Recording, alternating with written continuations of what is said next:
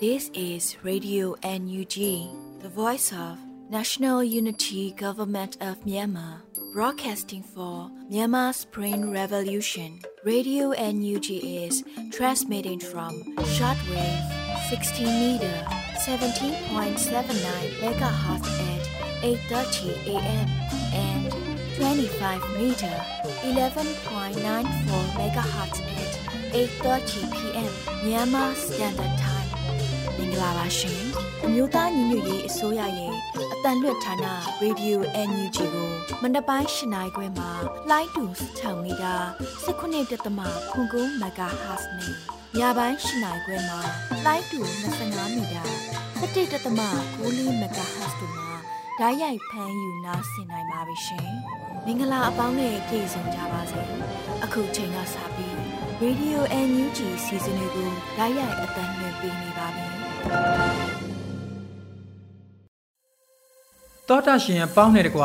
မြမပြည်သူပြည်သားအလုံးကိုမင်္ဂလာပါလို့ရေဒီယို UNG ကနှုတ်ခွန်းဆက်သလိုက်ရပါတယ်။နေ့တစ်ခုစတင်တိုင်းနိုင်ငံတော်အသစ်အတွက်ခွန်အားသစ်တွေမွေးဖွားနိုင်ကြပါစေ။ရေဒီယို UNG မှဒီဇင်ဘာလ30ရက်မနက်ခင်းစီစဉ်တွေထုတ်လွှင့်ဖို့ချိန်ရောက်ပါပြီ။ကျွန်တော်ကလွတ်လပ်နေဦးပါ။အခုချိန်ကစပြီးကာကွယ်ရေးဝန်ကြီးဌာနရဲ့ နေ့စဉ်စစ်ရေးသတင်းအကျဉ်းချုပ်တွေကိုကျွန်တော်ကပဲတင်ပြပေးရစေခင်ဗျာအမျိုးသားညွေရေးအစိုးရကာကွယ်ရေးဝန်ကြီးဌာနမှထုတ်ပြန်သောနေ့စဉ်စစ်ရေးသတင်းအကျဉ်းချုပ်ကိုတင်ပြပေးပါမယ်တိုက်ပွဲများမှာရန်သူတပ်သား12ဦးသေဆုံးပြီး12ဦးထိခိုက်ဒဏ်ရာရရှိတယ်လို့သိရပါတယ်အဆိုပါအာနာသိန်းအကြမ်းဖက်စစ်တပ်နဲ့တိုက်ပွဲဖြစ်ပွားမှုတည်င်းများမှာစကိုင်းတိုင်းတွင်ဒီဇင်ဘာလ28ရက်နေ့ မနက်7:40မိနစ်ခန့်ကရန်သူတပ်သား42ဦးပါစစ်ကြောင်းကစကိုင်းမြို့နယ်မြင်းဆယ်ရွာဦးကျောင်းဘေးရှိအိမ်များမှာစတင်မိရှုခဲ့ပြီးအင်ဂျီ80ခန့်မိလောင်ပြကျသွားခဲ့ပါတယ်။နေ့လယ်3:17မိနစ်တွင်မြင်းဆယ်ရွာအားမိရှုဖျက်ဆီးပြီးထွက်လာသောစစ်ကြောင်းအားပြည်သူ့ကာကွယ်ရေးတပ်မတော်စကိုင်းခရိုင်တိုက်ရင်နှင့်စကိုင်းမြို့နယ်ပကဖတပရင်ကွဲကိုဖက်တီရွာမလိုကယ်အဖွဲ့များနေကံပခပများနဲ့လက်တွဲက ဒရုန်းဖြင့်ဘုံသီးနှလုံးချပြီးနောက်လက်နက်ကြီးလက်နက်ငယ်များနဲ့ပစ်ခတ်တိုက်ခိုက်နိုင်ခဲ့ကြပါတယ်။ဒီဇင်ဘာလ28ရက်နေ့ညနေ4:15မိနစ်ခန့်ကစကိုင်းမြို့နယ်ညောင်မီဝန်းရဲစခန်းအားတိုက်နယ်စွန်စွန် PDF အဖွဲ့နဲ့ဗိုလ်မိုးကျိုးအဖွဲ့တို့မှလက်နက်ကြီးလက်နက်ငယ်များနဲ့အချက်ရည်များစွာပစ်ခတ်တိုက်ခိုက်ရမှာရန်သူဘက်မှလည်းအပြန်အလှန်ပစ်ခတ်မှုများရှိခဲ့ပါတယ်။ပဲခူးတိုင်းတွင်ဒီဇင်ဘာလ28ရက်နေ့ည9:30မိနစ်ခန့်က အုတ်ဖိုမြို့နယ်ထမ်းမင်ကုန်းရွာနေပြူစောတိကောင်းဆောင်ချစ်မင်းသူကတော်လန်ရေးရဲဘော်များရဲ့လှုပ်ရှားသွားလာမှုများကိုလာရောက်ထောက်လှမ်းနေစဉ်အုံတော်လန်တွင်တာယာဝတီခရိုင်ဂလုံတပ်ဖွဲ့အဖွဲ့နှစ်ကပြစ်ခတ်တိုက်ခတ်ခဲ့ပြီးအခင်းဖြစ်ရာနေရာတွင်ပင်တေဆုံးခဲ့ပါတယ်။တေဆုံးသွားသောပြူစောတိကောင်းဆောင်ချစ်မင်းသူထမစစ်ကောင်စီနှင့်ချိတ်ဆက်တည်ပြီးဆောင်ရွက်နေသောအချက်လက်များဖုန်း power bank ငွေ6900ကျပ်နိုင်ရီတစ်လုံးနဲ့အခြားစာရွက်စာတမ်းများသိမ်းဆည်းရမိခဲ့ပါတယ်။ ဒီဇင်ဘာလ29ရက်နေ့မနက်7:15မိနစ်ခန့်ကရေဒါရှည်မြို့နယ်နကြက်ကြီးရွာစာတင်ကျောင်း၌တပ်ဆွဲထားသောအင်အား32ဦးပါရန်သူစစ်ကြောင်းကခရိုင်ချင်းဆက်လမ်းဘေးဂူတောင်တောရကျောင်းသို့စစ်ကြောင်းထိုးဝင်ရောက်လာစဉ်ပြည်သူ့ကာကွယ်ရေးတပ်မတော်တောင်ငူခရိုင် PDF ကခုခံတိုက်ခိုက်ရာရန်သူအရာရှိတဦးအပါဝင်တပ်သား6ဦးသေဆုံးပြီး12ဦးထပ်မံအပြင်းထန်ဒဏ်ရာရရှိခဲ့ကြောင်းသိရပါတယ်။တနင်္သာရီတိုင်းတွင်ဒီဇင်ဘာလ28ရက်နေ့က လောင်းလုံမြို့နယ်မောင်းမကန်ကြီးရွာမှာပြူစောတိကောင်းဆောင်ဦးစိုးသိန်းခေါ်တက်ရှိနဲ့ပြူစောတိအဖွဲ့ဝင်2ဦးအားမောင်းမကန်ကြီးရွာတွင်၎င်းစစ်ကောင်စီတပ်ကြပ်ကြီးပြုံးချူအားကြောက်နီမော်ကြီးရွာလမ်းပိုင်းတနေရာတွင်၎င်းလောင်းလုံမြို့နယ်ပြည်သူ့ကာကွယ်ရေးတပ်ဖွဲ့ LLPDF ကပြစ်ခတ်တိုက်ခတ်ခဲ့ကြောင်းသိရပါတယ်။ဆက်လက်ပြီးအာနာသိန်းအကြမ်းဖက်စစ်တပ်မှကျူးလွန်ခဲ့သောရာဇဝတ်မှုများကိုတင်ပြပါမယ်။မကွေးတိုင်းတွင်ဒီဇင်ဘာလ29ရက်နေ့ မနက်၈နာရီခန့်ကမြိုင်မြို့နယ်အင်ဂျီ200ခန့်ရှိ မကြီးလေးပင်ရွာသို့ကန်နီပြူစောတိကြီးရွာမှပြူစောတိများနဲ့ရန်သူတပ်သားများလိုက်ပါလာသောအင်အားတရာခန့်ပါစစ်ကြောင်းဝင်ရောက်ခဲ့၍ပြည်သူပိုင်နေအိမ်များကိုအကြမ်းဖက်မိရှို့ဖျက်ဆီးခဲ့တာကြောင့်ပြည်သူပိုင်နေအိမ်များစွာမိလောင်ပြာကျခဲ့ကြောင်းသိရပါတယ်။ဒီဇင်ဘာလ28ရက်နေ့ကမကွေးမြို့နယ်မကွေးမြို့ပေါ်ရှိရက်ကွက်တိုင်းနီးနီးတွင်တရက်လျင်ပြည်သူ2ဦးခန့်ကိုရန်သူစစ်တပ်က အကြမ်းဖက်ဖမ်းဆီးနေကြောင်းသိရပါတယ်။ဒီဇင်ဘာလ28ရက်နေ့နေ့လယ်3:30မိနစ်ခန့်ကပခောက်ကူမြို့နယ်ဇီးကုန်းရွာနဲ့အောင်သာကြီးရွာမှမြင်းဒီကြီးရွာတွင်သို့စစ်ကြောင်းထိုးဝင်ရောက်လာသောအင်အား90ခန့်ပါပြူစောတိစစ်ကြောင်းကအသက်20ဝန်းကျင်အရွယ်ဖြစ်သော ကိုဆန်းလင်းအောင် ကိုနေသူလွင် ကိုစောစောထေးကိုဖြိုးရန်နိုင်နဲ့အသက်50ကျော်အရွယ်ရှိဦးကောင်းဟန်အပါဝင်စုစုပေါင်းဒေသခံပြည်သူ9ဦးခန့်အား စစ်ကြောင်းတွင်ဖမ်းဆီးခေါ်ဆောင်ကာအကြမ်းဖက်နှိပ်စက်ခဲ့ကြောင်းသိရပါတယ်။ရန်ကုန်တိုင်းတွင်ဒီဇင်ဘာလ28ရက်နေ့ကရွှေပြည်သာမြို့နယ်လှော်ကားထမြင်းဆောင်16ရပ်ကွက်အတွင်းရှိလူငယ်3ဦးကိုရန်သူစစ်တပ်အဖွဲ့ဝင်များကဖမ်းဆီးခဲ့ပါတယ်။တနင်္သာရီတိုင်းတွင်ဒီဇင်ဘာလ28ရက်နေ့မနက်9:00နာရီခန့်ကရေပြူမြို့နယ်ဆိုင်ကယ်ဖြင့်ငပိရောင်းရန်တဝဲသို့သွားသည့်ဇီးကြရွာသူမပန်းဤဖြူဝင်းကို ဇီးကြနှင့်ဝါစုကုန်းရွာကြားလမ်းခုလက်တွင်ရန်သူတပ်သားများကကားဖြင့်တိုက်တက်သွားသဖြင့်တေဆုံးသွားခဲ့ပါတယ်။ထို့ပြင်ရန်သူတပ်သားများကဇီးကြရွာအားတရွာလုံးပြာပုံဖြစ်သွားမည်ဟုချိန်ချောက်ပြောဆိုသွားခဲ့ကြောင်းသိရပါတယ်ခင်ဗျာ။ယခုတင်ပြပေးခဲ့တဲ့သတင်းတွေကိုမြေပြင်သတင်းတာဝန်ခံများနဲ့ခိုင်လုံသောသတင်းရင်းမြစ်များမှအခြေခံပြုစုတင်ပြခဲ့ခြင်းဖြစ်ပါတယ်ခင်ဗျာ။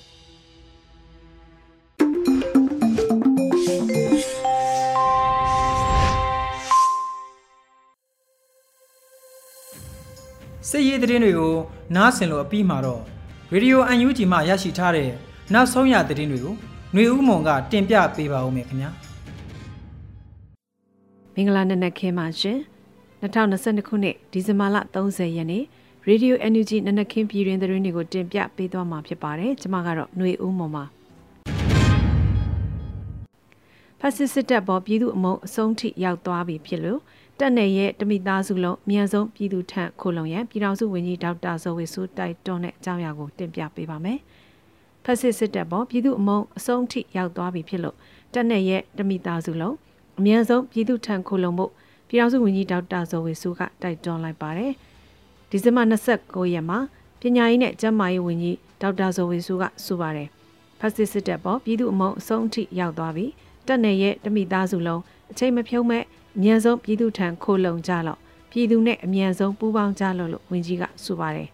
2021ခုနှစ်ဖေဖော်ဝါရီလရက်နေ့ဆီယနာသိမ်းပြီးနောက်ဆီယနာရှင်စနစ်စန့်ကျင်ရေးလူလူလှုပ်ရှားမှုနဲ့အတူရေဦးဒေါ်လာရေးဟာပေါ်ပေါက်ခဲ့ပါတယ်ရှင်ရေဦးဒေါ်လာဟာလူတိုင်းကောင်းကောင်းမွန်မွန်နေထိုင်ရမယ့်နိုင်ငံရေးစနစ်တစ်ခုအတွက်ဒေါ်လာနေတာဖြစ်တယ်လို့ပြည်ထောင်စုဝန်ကြီးဒေါက်တာတူးကောင်ပြောဆိုတဲ့အကြောင်းအရာကိုလည်းတင်ပြပေးပါမယ်။ နယူးဒေါ်လာဟာလူတိုင်းကောင်းကောင်းမွန်မွန်နေထိုင်ရမယ့်နိုင်ငံရေးစနစ်တစ်ခုအတွက်ဒေါ်လာနေတာဖြစ်တယ်လို့ပြည်ထောင်စုဝန်ကြီးဒေါက်တာတူးကောင်ကဆိုလိုက်ပါတယ်ဒီဇင်ဘာ29ရက်မှာပြည်ထောင်စုဝန်ကြီးဒေါက်တာတူးကောင်ကရှင်းလင်းဆိုထားပါတယ်ဒီဒေါ်လာဟာအလုတ်စူးစားတဲ့လူတိုင်းကောင်းကောင်းနေကောင်းကောင်းစားနိုင်မဲ့နိုင်ငံရေးစနစ်တစ်ခုအတွက်ဒေါ်လာနေတာပါ NLD အတွက်မဟုတ်ဘူးလူမျိုးတစ်မျိုးအတွက်မဟုတ်ဘူးမြန်မာနိုင်ငံသားအားလုံးအတွက်ဖြစ်တယ်ခမားတို့အစဉ်ပြေနေတဲ့ဖက်ဒရယ်နိုင်ငံရေးစနစ်တစ်ခုကိုနိုင်ငံရေးချားမှာပဲရှာတွေ့တာမျိုးမဟုတ်ပဲ မြန်မာနိုင်ငံထဲမှာဖြစ်တည်လာဖို့ကြိုးစားနေတာဖြစ်ပါတယ်လို့ဝန်ကြီးကဆိုပါတယ်2021ခုနှစ်ဖေဖော်ဝါရီလရက်နေ့ဆီယနာသိမ်းပြီးနောက်မြန်မာနိုင်ငံမှာအလုတ်လက်မဲ့လူဦးရေတိုးပွားလာခဲ့ပြီးပြည်ပရင်းနှီးမြှုပ်နှံမှုများထွက်ခွာသွားခဲ့ပါတယ်ရှင်စစ်ဘေးရှောင်မြို့သမီးလူငယ်နဲ့ကလေးငယ်များအရေးကိစ္စနဲ့ဆက်လင်းပြီး CRPH မြို့သမီးလူငယ်နဲ့ကလေးငယ်ရေးရာကော်မတီနဲ့လူသားချင်းစာနာထောက်ထားရေးနဲ့ဘေးအန္တရာယ်ဆိုင်ရာစီမံခန့်ခွဲရေးဝန်ကြီးဌာနတို့တွေ့ဆုံဆွေးနွေးတဲ့အကြောင်းအရာကိုလည်းတင်ပြပေးကြပါမယ်။ စစ်ဘေးရှောင်မျိုးသမီးလူငယ်နဲ့ကလေးငယ်များရေးကိစ္စနဲ့ဆက်လင်းပြီး CRPH အမျိုးသမီးလူငယ်နဲ့ကလေးငယ်ရေးရာကော်မတီနဲ့လူသားချင်းစာနာထောက်ထားရေးနဲ့ဘေးရန်နယ်ဆိုင်ရာစီမံခန့်ခွဲဝန်ကြီးဌာနတို့တွေ့ဆုံဆွေးနွေးခဲ့ကြပါတယ်။ဒီဇင်ဘာ29ရက်နေ့မှာနှစ်ဖက်ဗီဒီယိုကွန်ဖရင့်မှာတစ်ဆင့်တွေ့ဆုံကျင်းပခဲ့ပါတယ်။မြို့သမီးလူငယ်နဲ့ကလေးတငယ်ရေးရာကော်မတီသည်စစ်ပေးရှောင်းမြို့သမီးများလူငယ်များကလေးတငယ်များအရေးနဲ့ဆက်လင်းပြီး မြို့သားညီညွတ်ရေးအစိုးရလူသားချင်းစာနာထောက်ထားရေးနဲ့ဘေးရန်နယ်ဆိုင်ရာစီမံခန့်ခွဲဝန်ကြီးဌာနနဲ့တွေ့ဆုံကဝန်ကြီးဌာနရဲ့ရက်သားထိခိုက်မှုရှော့ချရေးနဲ့စားနပ်ရိက္ခာဖူလုံရေးစီမံချက်အတွက်ဆောင်ရွက်နေမှုများ one year strategy အတွက်ပြင်ဆင်နေမှုများတွင်ကော်မတီအနေနဲ့ပူးပေါင်းပါဝင်ဆောင်ရွက်နိုင်သည့်လုပ်ငန်းများအားဆွေးနွေးအကြံပြုခဲ့ကြပါတယ်။စီဝေကိုမြို့သမီးလူငယ်နဲ့ကလေးတငယ်ရေးရာကော်မတီဥက္ကဋ္ဌကော်မတီဖွဲ့ဝင်များ လူသားချင်းစာနာထောက်ထားရေးနဲ့ပြည်내ဆိုင်ရာစီမံခန့်ခွဲဝန်ကြီးဌာနမှပြည်ထောင်စုဝန်ကြီးဒေါက်တာဝင်းမြတ်အေးတာဝန်ရှိသူများနဲ့ရုံးအဖွဲ့တို့တက်ရောက်ခဲ့ကြပါတယ်ရှင်။ဂျမဆီယနာရှင်အုပ်စုဟာတွန်လင်းအင်အားစုတွေကိုပုံမှုသွေးခွဲဖို့လှုံ့ဆော်လာတယ်လို့လူဝင်ကြီးဒေါက်တာဆိုင်းခိုင်မျိုးထုံသတိပေးပြောဆိုတဲ့အကြောင်းအရာကိုလည်းတင်ပြပေးကြပါမယ်။ဂျမ်ဘတ်ဆီယနာရှင်အုပ်စုဟာတော်လိုင်းအင်အားစုတွေကိုပုံမှုသွေးခွဲဖို့လှုံ့ဆော်လာတယ်လို့ပညာရေးဒုဝန်ကြီးဒေါက်တာဆိုင်ခိုင်မျိုးထွန်းကပြောပါတယ် ဒီဇင်ဘာ29ရက်မှာပညာရေးဒုဝန်ကြီးဒေါက်တာဆိုင်ခိုင်မျိုးထွန်းကဆိုပါတယ်တော်လိုင်းကာလကြာလာတာနဲ့အတူခြေနေကောင်းတစ်ခုကိုရောက်လာနေပြီဖြစ်လို့ဆီယနာရှင်အုပ်စုဟာလည်းတော်လိုင်းအင်အားစုတွေကိုပုံမှုသွေးခွဲဖို့လှုံ့လာနေပါတယ်လို့ဝီဒုဝန်ကြီးကဆိုပါတယ်။စေအုပ်စုဟာတော်လှန်ရေးအင်အားစုအချင်းချင်းကြားသွေးကွဲအောင်လှုံ့ဆော်ခြင်းပါဝင်ပြည်သူနဲ့တော်လှန်ရေးအစိုးရပါဝင်အင်အားစုတွေကိုသွေးကွဲအောင်နဲ့နိုင်ငံတကာမှာတော်လှန်ရေးအင်အားစုကိုပုံဖြတ်တဲ့လှုံ့ဆော်မှုတွေလှုံ့ဆော်လာတယ်လို့ဒုဝန်ကြီးကထပ်လောင်းဆိုပါတယ်ရှင် ထိုင်းဘရင်ဖလားနဲ့ကပတ်လူပွဲမှာချန်ပီယံရခဲ့တဲ့ကရန်တိုင်းသူမူဘရိုနီကာကို NUG အစိုးရကမှတ်တမ်းတင်ဂုဏ်ပြုလာပေးပို့တဲ့အကြောင်းအရာကိုလည်းတင်ပြပေးပါမယ်။ထိုင်းဘရင်ဖလားနဲ့ကပတ်လူပွဲမှာချန်ပီယံရခဲ့တဲ့ကရန်တိုင်းသူမူဘရိုနီကာကို NUG အစိုးရကမှတ်တမ်းတင်ဂုဏ်ပြုလာပေးပို့ခဲ့ပါတယ်။ဒီဇင်ဘာနောက်ဆုံးပတ်မှာချန်ပီယံရခဲ့တဲ့ကရန်တိုင်းသူမူဘရိုနီကာကအသိပေးဆိုထားပါတယ်။ကျွန်တော်ကိုခုလိုဂုဏ်ပြုပေးတဲ့မြို့သမီးလူငယ်နဲ့ကလေးငယ်ရာဝန်ကြီးဌာနကိုကျေးဇူးအများကြီးတင်ပါတယ်လို့ဆိုပါတယ်။ ဆိုပါကွန်ပျူမှတ်တမ်းလွှာကို NUG အမျိုးသမီးလူငယ်နဲ့ကလေးငယ်ရာဝန်ကြီးဌာနပြည်ထောင်စုဝန်ကြီးနော်ဆူဇနာလှလှဆိုးကပေးပို့ခဲ့တာဖြစ်ပါတယ်ရှင်။စေအုပ်စုရဲ့ရွေးကောက်ပွဲဝင်မဲ့လူတွေဟာဓမြစီကဝေစုတောင်းမဲ့လုံရက်နဲ့အတူတူပဲလို့88မျိုးဆက်ចောင်းသားကောင်းဆောင်ဦးမင်းကိုနိုင်ပြောဆိုလိုက်တဲ့အကြောင်းအရာကိုလည်းတင်ပြပေးပါမယ်။စေအုပ်စုရဲ့ရွေးကောက်ပွဲဝင်မဲ့လူတွေဟာဓမြစီကဝေစုတောင်းမဲ့လုံရက်နဲ့အတူတူပဲလို့88မျိုးဆက်ចောင်းသားကောင်းဆောင်ကိုမင်းကိုနိုင်ကဆိုပါတယ်။ ဒီဇင်ဘာနောက်ဆုံးပတ် PPTV ရုပ်သံနဲ့တွေ့ဆုံမေးမြန်းခန်းမှာဦးမင်းကိုနိုင်ကပြောပါတယ်။ဖက်စစ်ကနေရွေးကောက်ပွဲလုပ်တယ်ဆိုတာဒါကကိုရေးကြုံတော့မှထပြီးတော့တေကန်ဒီကြောင်ကရန်ရွတ်တဲ့ကာထာမျိုးပဲအဲ့ဒါထက်မပိုဘူးသူတို့ဟာပြည်သူအာဏာကိုလူခဲ့တဲ့ဓမြတွေအဲ့ဒါကဝေစုခွဲပေးမယ်လို့ပြောတာနဲ့အတူတူပဲအဲ့ဒီရွေးကောက်ပွဲကိုဝင်မယ်ဆိုတာကဓမြစီကဝေစုတောင်းမယ်ဆိုတာနဲ့အတူတူပဲလို့ဆိုပါတယ် စေအုပ်စုဟာ2023ခုနှစ်မှာအတူရရွေးကောက်ပွဲကိုကျင်းပပေးမယ်လို့ထုတ်ပြန်ထားပြီးတော့နိုင်ငံရေးပါတီများကိုစီယုံတင်သွင်းလျက်ရှိပါတယ်ရှင်။တောင်ကိုရီးယားနိုင်ငံကင်ဂွန်ထက်စုကော်မတီမှပေးရသောခုနှစ်ကြိမ်မြောက်ကင်ဂွန်ထက်စုကိုမပန်ဆယ်လိုရရှိရဆိုတဲ့သတင်းကိုလည်းတင်ပြပေးပါမယ်။ တောင်ကိုရီးယားနိုင်ငံကင်ဂွန်ထက်စုကော်မတီမှပေးအပ်တဲ့ခုနှစ်ကြိမ်မြောက်ကင်ဂွန်ထက်စုကိုမပန်ဆယ်လိုရရှိခဲ့ပါတယ်။တောင်ကိုရီးယားနိုင်ငံကင်ဂွန်ထက်စုကော်မတီမှပေးအပ်သောခုနှစ်ကြိမ်မြောက်ကင်ဂွန်ထက်စုပေးပွဲခမ်းနားကိုဒီဇင်ဘာ29ရက်မှာကျင်းပခဲ့ပါတယ်။ဆိုပါစုပေးအပွဲခန္ဓာကိုဗီဒီယိုစနစ်နဲ့မပန်ဆယ်လူကတက်ရောက်ခဲ့ပြီးစုကိုတော့မပန်ဆယ်လူကိုစားမတ်ရွှေမူကိုရီးယားကတက်ရောက်ယူခဲ့ပါတယ် ဒီမိုကရေစီအတွက်အသက်ကိုပဓာနာမထားကြိုးစားတဲ့ဒီမိုကရေစီသူရဲကောင်းတွေကိုကင်ဂွန်ထက်စုကိုပေးအပ်ခြင်းဖြစ်ပြီးတော့2022ခုနှစ်မှာတောင်ကိုရီးယားကအဲ့ဒီစုကိုမြန်မာဒီမိုကရေစီရေးလှုပ်ရှားသူပန်ဆယ်လူကိုပေးဖို့ဆုံးဖြတ်ခဲ့ပါတယ်။တောင်ကိုရီးယားမှာ Solidarity for Democracy and Peaceful Unification in Korea ဆိုတဲ့ဒီမိုကရေစီရေးဆောင်ရွက်သူအမတ်ဟောင်းအမတ်သစ်အယောက်40ကျော်ဖွဲ့ထားတဲ့အဖွဲ့ဟာမပန်ဆယ်လိုကို Kim Gon ထဲစုပေးဖို့စုကော်မတီနဲ့ပူးပေါင်းပြီးလေးလေးနက်နက်ဆုံးဖြတ်ခဲ့တာဖြစ်ပါတယ်ရှင် မြန်မာအကောင့် NC Club UK မှာ40တပတ်တိတိရမုံငွေဒေါ်လာရေးစားတောက်ရောင်းချရာစုစုပေါင်းစတာလင်ပေါင်တသိန်းကျော်ရရှိတယ်ဆိုတဲ့သတင်းကိုလည်းတင်ပြပေးပါမယ်မြန်မာအကောင့် NC Club UK မှာ40တပတ်တိတိရမုံငွေဒေါ်လာရဲ့အစားအသောက်ရောင်းချရာစုစုပေါင်းစတာလင်ပေါင်တသိန်းကျော်ရရှိခဲ့တယ်လို့သိရပါတယ်ဒီဇင်ဘာလနောက်ဆုံးပတ်မှာရမုံငွေရရှိရတဲ့ပတ်သက်လို့အသိပေးဆိုခဲ့ပါတယ် ကျွန်တော်ကျမတို့ရဲ့ January 2022မှာ December 2022ထိစုစုပေါင်း40တပတ်ရမငွေဒေါ်လာရဲ့အစားအသောက်ရောင်းချရနိုင်စုစုပေါင်းပေါင်စတာလင်3သိန်းကျော်ရရှိခဲ့ပါတယ်လို့ဆိုပါတယ်။ပတ်စဉ်ဆွဲဆောင်မှုရှိတဲ့မီနူထွက်အောင်စုယုံသည်မှစ၍တပတ်လုံး food order ယူသောအဆင့်ဟင်းပွဲများကိုစုဆောင်ခြင်းထုတ်ပိုးခြင်း customer များထံရောက်ရှိအောင်ပို့ဆောင်ခြင်းတို့ကိုလုံလထုတ်ကြိုးစားပြီးတယောက်ကွက်လက်ကိုတယောက်ဖြစ်ကတော်လေးမှာပံ့ပိုးနေကြတဲ့ UK မှာ chef 30ကျော်နဲ့ volunteer များရဲ့အားထုတ်မှုများပါဝင်တယ်လို့သိရပါတယ်ရှင်။ ရွှေဘိုမြို့နယ်တီလုံးရွာမှာစစ်ကောင်စီတပ်ဖွဲ့ဝင်3ဦးရွှေဘိုမိုးကျိုးမုံတိုင်းမှရဲဘော်များတိုက်ခိုက်ပြီး3သေဆုံးတဲ့တဲ့ရင်ကိုလည်းတင်ပြပေးပါမယ်။စကိုင်းတိုင်းရွှေဘိုမြို့နယ်တီလုံးရွာမှာစစ်ကောင်စီတပ်ဖွဲ့ဝင်3ဦးဟာရွှေဘိုမိုးကျိုးမုံတိုင်းမှရဲဘော်များတိုက်ခိုက်ပြီးသေဆုံးခဲ့ပါတယ်။ဒီဇင်ဘာ29ရက်မှာစီးရဲတဲ့ရင်ကိုရွှေဘိုမိုးကျိုးမုံတိုင်းမှတီးပြုတ်ဆိုထားပါတယ်။ မိုးကျုံမုံတိုင်းမှာရဲဘော်များပျောက်ကြားလှုပ်ရှားတီးလုံးမှခွေးသုံးကမုံဟင်းကဖြစ်သွားကြောင်းသိရှိရပါတယ်လို့ဆိုထားပါတယ်။ရွှေဘုံမိုးကျုံမုံတိုင်းတပ်ဖွဲ့ဟာဆီယနာရှင်ကိုခုခံတွန်းလှန်နေတဲ့တော်လိုင်းအရာစုတရလည်းဖြစ်ပါတယ်ရှင်။စကိုင်းမြို့နယ်မြင်းဆဲကြီးရွာအကြံဖတ်မီရှို့၍ပြန်လာသောစစ်ကောင်စီတပ်များကိုမိုင်းဆွဲတိုက်ခိုက်ရာနှစ်ဦးသေဆုံးနေဆိုတဲ့သတင်းကိုလည်းတင်ပြပေးပါမယ်။စကိုင်းမြို့နယ်မြင်းဆဲကြီးရွာကိုအကြံဖတ်မီရှို့ဖျက်ဆီးပြီးပြန်လာတဲ့စစ်ကောင်စီတပ်များကိုမိုင်းဆွဲတိုက်ခိုက်ရာမှာနှစ်ဦးသေဆုံးခဲ့တယ်လို့သိရပါတယ်။ ဒီဇင်ဘာ29ရက်မှာစီးရဲတဲ့ရင်ကို0ပြောက်ကြားတပ်ဖွဲ့မြင်းကြံကအတီးပြုတ်ဖော်ပြပါရယ်ဒီဇင်ဘာ28ရက်3:32မိနစ်အချိန်စကိုင်းမြို့နယ်မြင်းဆယ်ကျေးရွာအကျန်းဖက်မီးရှို့ဖျက်ဆီးပြီးပြန်လာတဲ့စစ်ကောင်စီတပ်များအားဖျားရင်စေဒီအနောက်ဘက်6ရုံနီပဒေသာမိုင်း3လုံးနဲ့လျှက်တစ်ပြက်ချခွဲတိုက်ခိုက်ခဲ့ရာနှစ်ဦးသေဆုံးပြီးထိခိုက်ဒဏ်ရာအများပြားရရှိပါတယ်လို့ဆိုပါတယ်။၎င်းတိုက်ခိုက်မှုကိုဇီရိုပြောက်ကြားတပ်ဖွဲ့မြင်းချန်နဲ့တရဲနီဖွဲ့တို့ပူးပေါင်းဆောင်ရွက်ခဲ့ပါတယ်ရှင်။ မုံရမန်လေးလမ်းမကြီးရေဘူးစားနဲ့နေရီကန်ကြားတနေရာကင်မုံဝတ်ထွက်လာသောစစ်ကောက်စီဒရမ်များဒရုန်းနဲ့၃ချိန်တိုင်ဘုံသီးချတိုက်ခိုက်ခံရ၍ ထိခိုက်သေးဆုံးမှုများရှိနိုင်တဲ့ဆိုတဲ့သတင်းကိုလည်းတင်ပြပေးပါမယ်။မုံရွာမန်လေးလမ်းမကြီးရေဘူးစားနဲ့လက်ရည်ကန်ကြားတနေရာကင်မဝစ်ထွက်လာတဲ့စစ်ကောင်စီတပ်များကို drone နဲ့သုံးချိန်တိုင်းတိုင်းဘုံသီးချတိုက်ခိုက်ခံရပြီးထိခိုက်သေးဆုံးမှုများရှိနိုင်တယ်လို့သိရပါတယ်။ဒီဇင်ဘာ29ရက်ညနေ3နာရီအချိန်မှာ3နာရီခွဲအချိန်ထိရေဘူးစားနဲ့လက်ရည်ကန်ကြားတနေရာကင်မဝစ်ထွက်လာသောစစ်ကောင်စီတပ်များကိုတိုက်ခိုက်ခဲ့တယ်လို့ Black Eagle Defense Force MNU ကဆိုပါတယ်။ ဒီဇင်ဘာ29ရက်ညနေ3နာရီအချိန်မှာ3နာရီခွဲအချိန်ခန့်ထိရေဘိုးစားနဲ့နေရီကန်ကြားတနေရာကင်မဝစ်ထွက်လာသောစစ်ကောင်စီတပ်များအားဒရုန်းဖြင့်3ချိန်တိတိဘုံသီးချတိုက်ခိုက်ခဲ့ပါတယ်လို့ဆိုထားပါတယ်။စစ်ကောင်စီတပ်များအသေးပြောက်ရှိနိုင်ပြီးထိခိုက်သူများလည်းရှိနိုင်တယ်လို့သိရှိရပါတယ်။ drone စစ်စေးကို Black Eagle Defense Force MNU မြင်းမူလင်းယုံနဲ့ကာကွယ်ရေးအဖွဲ့နဲ့အတူမြင်းမူမြို့နယ်ပကဖတရတပြက်စွန်ညိုပျောက်ကြားစစ်တီတော်များအဖွဲ့တို့မှပူးပေါင်းလှုပ်ဆောင်ခဲ့ပါတယ်ရှင်။ ကဏီမြို့နယ်မုတ်ထော်ကြီးရွာအနီးချင်းတွင်းမြစ်အတွင်းတောင်တင်တက်ဆွဲနေတဲ့စကောက်စီတပ်များကိုလက်လုံလက်နက်ကြီးများနဲ့ပစ်ခတ်တိုက်ခိုက်တဲ့တဲ့ရင်ကိုလည်းတင်ပြပေးပါမယ်။စကိုင်းတိုင်းကဏီမြို့နယ်မုတ်ထော်ကြီးရွာအနီးချင်းတွင်းမြစ်အတွင်းတောင်တင်တက်ဆွဲနေတဲ့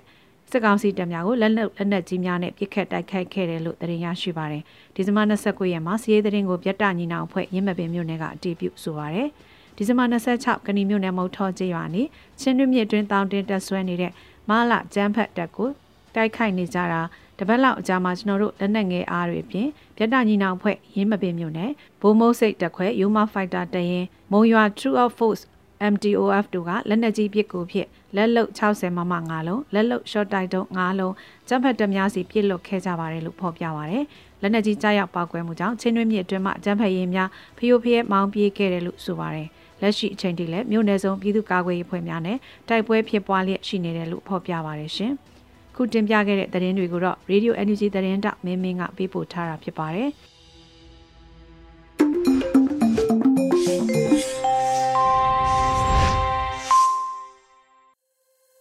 ဒီဇင်ဘာလ30ရက်နောက်ဆုံးရသတင်းတွေကို နားဆင်ခဲ့ကြရတာဖြစ်ပါတယ်။အခုဆက်လက်ပြီးပြည်သူခုခံစစ်သတင်းများကိုຫນွေဦးလင်းအိမ်ကတင်ပြပါဦးမယ်ခင်ဗျာ။ ပထမဆုံးအနေနဲ့တပိတ်ချင်းတွင်စစ်ကောင်စီဖော်ကားများမိုင်းဆွဲတိုက်ခိုက်ခံရတဲ့တဲ့ရင်ကိုတင်ဆက်ပေးပါမယ်။မန္တလေးတိုင်းတပိတ်ချင်းမြို့နယ်မှာစစ်သားများလိုက်ပါလာတဲ့ဖော်ကားတွေကိုမိုင်းဆွဲတိုက်ခိုက်ခဲ့ကြောင်းတကောင်း PDF တပ်ဖွဲ့ထံမှသိရပါဗျ။ဒီဇင်ဘာလ28ရက်မနက်6နာရီခန့်မှာ ထိချိုင်မြို့နယ်အတွင်းရှိကျေးရွာတွေကိုမိရှို့ဖျက်ဆီးပြီးရွှေဘိုဘက်ကိုဆင်းရန်လာတဲ့အကြမ်းဖက်စစ်သားအင်အားတရာခန့်ပါဖောကား6ဘိန်းကား3စီးနဲ့စနဘိန်းတွဲကားတစ်စီးကိုတကောင်း PDF ကတောင်တလုံးရွာနဲ့အင်ပြန်ရွာအကြားမှာ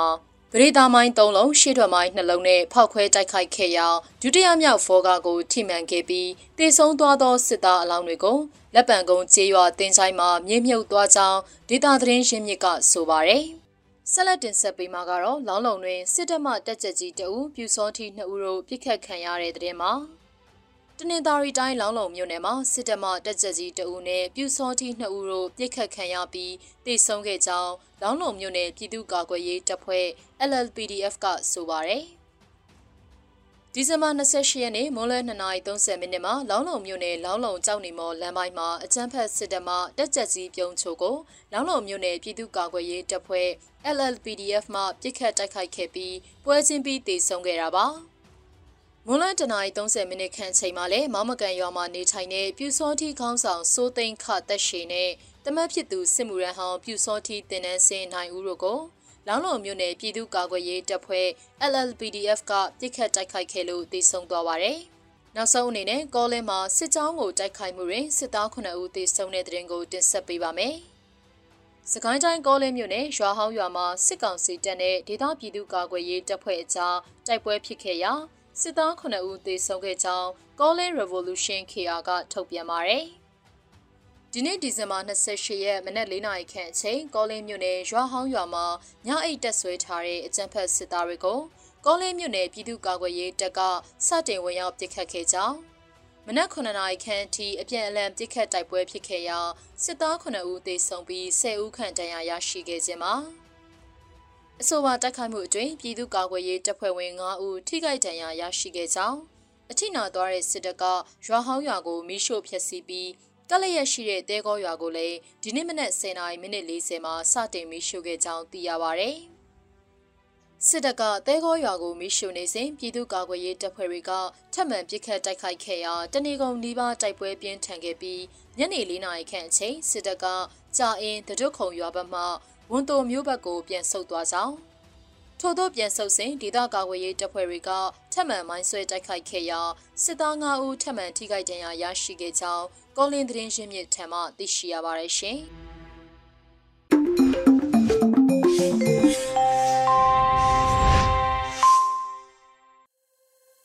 အာနာရှင်စနစ်ဆိုးကိုအမြင့်ပြတ်ဖို့တွန်းလှန်နေတဲ့ပြည်သူတို့ရဲ့ခုခံစစ်တည်င်းများဖြစ်ပါတယ်။ဆက်လက်ပြီးတင်ဆက်မဲ့ PVTV နေ့စဉ်သတင်းတွေကိုတော့ Rain ကတင်ပြပေးပါဦးမယ်ခင်ဗျာအခုချိန်ကစပြီး PVTV သတင်းတွေကိုတင်ဆက်ပေးပါတော့မယ်ကျွန်မအရိမ်ပါ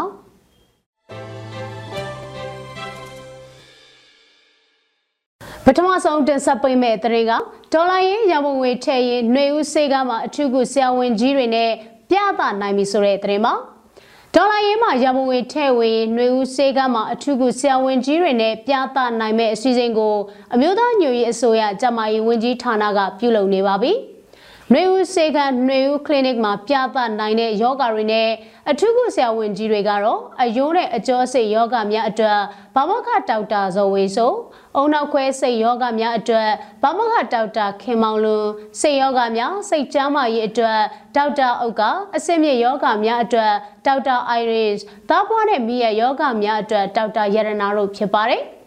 နှွေဦးစေကမှာပြသမယ်ဆိုရင်နှွေဦး clinic နှွေဦးစေက Facebook page ရဲ့ Messenger မှာစာရင်းပေးသွင်းရမှာဖြစ်ပါတယ်။နှွေဦးစေကကနေရရှိလာတဲ့ရန်ပုံငွေအလုံးကိုတော်လိုင်းရေးအတွက်သာအသုံးပြုသွားမှာဖြစ်တယ်လို့လည်းအသိပေးထားပါတယ်။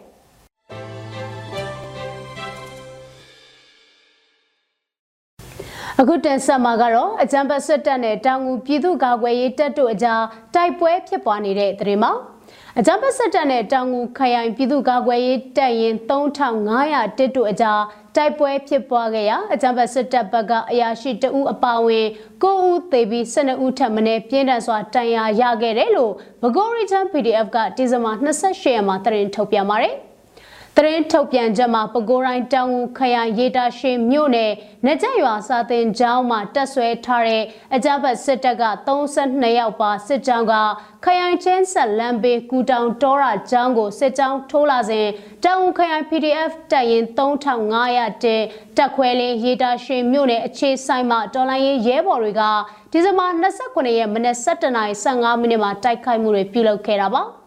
အဆိုပါတစ်တွေတိုက်ပွဲမှာ45မိနစ်ခန့်ကြာမြင့်ပြီးအကြမ်းဖက်စစ်တပ်ဘက်ကအရာရှိတအူးအပါဝင်6ဦးသေဆုံးခဲ့ပြီး12ဦးထပ်မံအပြင်းထန်ဒဏ်ရာရရှိခဲ့တယ်ဆိုတာနဲ့ဒေါ်လာရေးရဲဘော်တွေဘက်ကအထိခိုက်မရှိအောင်မြင်စွာစုခွာနိုင်တယ်လို့ဖော်ပြထားပါတယ်။ဒါပြင်ဒီဇင်ဘာ25ရက်နေ့နက်ပိုင်းမှာလဲတောင်ငူမြို့နယ်စိတ်မြောင်ကျေးရွာအနောက်ဘက်မှာ အကြမ်းဖက်စစ်တပ်နဲ့တောင်ငူခရိုင် PDF တပ်ရင်3500တဲ့တက်ခွဲတင်မှာတော်လိုင်းရေးရဲဘော်တွေနဲ့ထိတွေ့တိုက်ပွဲဖြစ်ပွားခဲ့ပါတယ်။အဆိုပါထိတွေ့တိုက်ပွဲမှာအကြမ်းဖက်စစ်တပ်သားက3ဦးသေဆုံးခဲ့ပြီးထိခိုက်ဒဏ်ရာရရှိသူများတယ်ဆိုတာနဲ့ဒေါ်လာရေးရဲဘော်တွေကအထိခိုက်မရှိအောင်မြင်စွာဆုတ်ခွာနိုင်ခဲ့တယ်လို့ဖော်ပြထားပါတယ်။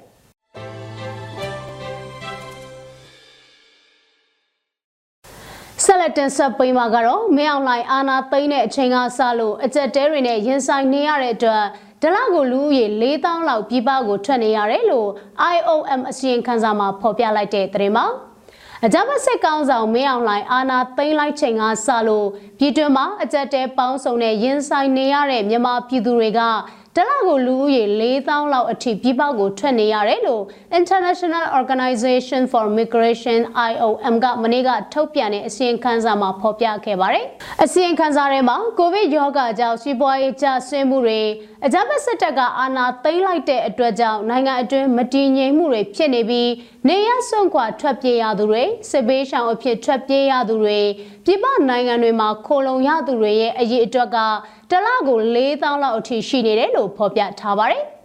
အကြမ်းဖက်စစ်ကောင်းဆောင်တွေရဲ့အာဏာသိမ်းမှုကြောင့်နိုင်ငံအတွင်းမှာလုံခြုံမှုမရှိတော့ဘဲစီးပွားရေးကျဆင်းတာတွေပြည်ပရင်းနှီးမြှုပ်နှံမှုတွေဆုပ်ယုပ်တာတွေကြောင့်အလောက်အကိုင်အခွင့်အလမ်းရှားပါတာအသက်မွေးမှုလုပ်ငန်းတွေပပျောက်သွားတာတွေကလည်းပြည်ပကိုထွက်ခွာသွားတဲ့မြန်မာလောက်သားဥယေကိုတွန်းမြင့်စေတယ်လို့ဖော်ပြထားပါတယ်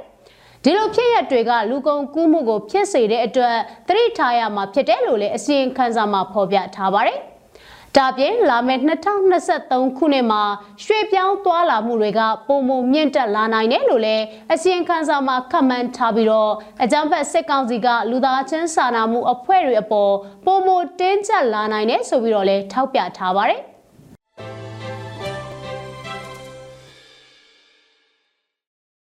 ဆက်လက်တင်ဆက်ပေးမှာကတော့ကမ်ဘလူမြို့နယ်အတွင်းမှာနှမ်းရိပ်လောက်သား9ဦးကိုအကြမ်းဖက်စစ်တပ်ကလူသားတိုင်းအဖြစ်ဖမ်းဆီးခေါ်ဆောင်သွားတဲ့တဲ့မှာစကိုင်းတိုင်းကဘလူမြို့နယ်တဲကအောက်တဲ့ရွာမှာနေထိုင်တဲ့နှမ်းအငှားရိတ်လောက်သား9ဦးကိုအကြမ်းဖက်စစ်တပ်ကလူသားတိုင်းအဖြစ်နဲ့ဒီဇင်ဘာ29ရက်ကဖမ်းဆီးခေါ်ဆောင်သွားတယ်လို့ကျွန်းလှကမ်ဘလူတက်ကြွလှုပ်ရှားသူများအဖွဲ့ကသတင်းထုတ်ပြန်အသိပေးထားပါတယ် လူသားတိုင်းအဖြစ်နဲ့ဖမ်းဆီးသွားတာကကိုးဆောင်ဖို့အထိုင်အကြံပတ်စစ်တပ်ရဲ့ခမာယ363တက်ကဖြစ်ပြီးတော့ဒီဇင်ဘာ29ရက်မနက်8:45မိနစ်ခန့်မှာအခုလိုဖမ်းဆီးသွားတာဖြစ်တယ်လို့အသိပေးထားပါတယ်။အခုဖမ်းခံရတဲ့သူတွေကဂျပန်အလုပ်လုပ်နေကြတာ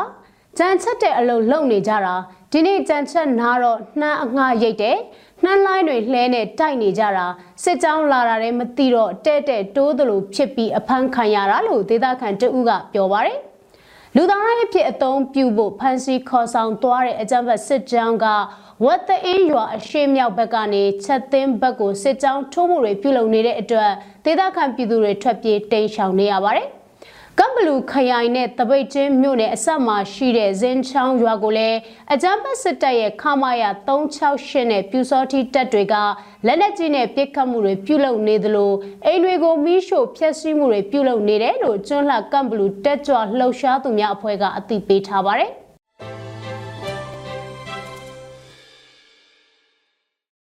အခုတင်ဆက်ပေးမှာကတော့စပေးရှောင်ပြည်သူများကိုသက်ဆိုင်ရာပအဖပကဖရရဲ့ခွင့်ပြုချက်မရဘဲကျေးပါတွေတဲ့အရဲစွန်ဝင်ရောက်တာမျိုးတွေမလုပ်ကြဖို့ချောင်းဦးမြို့နယ်ပကဖအသိပေးလိုက်တဲ့တဲ့မှာအကြမ်းဖက်စစ်တပ်ကြောင့်နေရပ်ကိုစွန့်ခွာပြီးစစ်ပေးရှောင်နေရတဲ့ပြည်သူတွေအနေနဲ့သက်ဆိုင်ရာပအဖပကဖရရဲ့ခွင့်ပြုချက်မရဘဲကျေးရွာတွေတဲကိုအရဲစွန်ဝင်ရောက်တာမျိုးတွေမလုပ်ကြဖို့အတွက်ချောင်းဦးမြို့နယ်ပကဖကအသိပေးထားပါတယ်။ 6ဦးမြို့နယ်အတွင်းကကန်ကြီးကုံရွာမှာအကြမ်းဖက်စစ်တပ်ကတပ်ဆွဲထားဆဲဖြစ်တာကြောင့်6ဦးမြို့နယ်ပကဖကအခုလိုအတိပေးကြေညာချက်ထုတ်ပြန်ထားရတာပါဒါပြင်ဒေသခံတော်လိုင်းရင်အင်အားစုတွေရဲ့အကြံပြုချက်တွေကိုလေးစားလိုက်နာပေးဖို့အတွက်လည်းမြစ်တာရက်ခံထားပါတယ်။ချောင်းမြို့နယ်အတွင်းမှာအကြံဘတ်စစ်တပ်ကဒီဇင်ဘာ29နဲ့28ရက်နှစ်ရက်တာအတွင်းကျေးရွာ6ရွာအထိမိရှို့ဖျက်ဆီးခဲ့တာလို့လည်းချောင်းမြို့နယ်ပကဖကအသိပေးထားပါတယ်။ မိလောင်ပျက်စီးခဲ့ရတဲ့အင်ချေအတိအကျစည်ရင်းကိုတော့မသိရသေးဘူးလို့ချောင်းဦး Revolution အဖွဲ့ကထုတ်ပြန်ထားပါတယ်။အကြမ်းဖက်စစ်တပ်ကငကားဖို့ကျေးရွာကုန်းသာကျေးရွာတောချောင်းလေးကျေးရွာနဲ့ထန်းတော်ကုန်းကျေးရွာတွေကိုမိရှို့ဖျက်ဆီးခဲ့တယ်လို့အမြင့်ကျေးရွာမှာလည်းနေအိမ်တွေထဲကအဖိုးတန်ပစ္စည်းတွေကိုခိုးယူသွားတယ်လို့ချောင်းဦး Revolution ကအသိပေးထားပါတယ်။ကျေးဇူးတင်ပါတယ်ရှင်။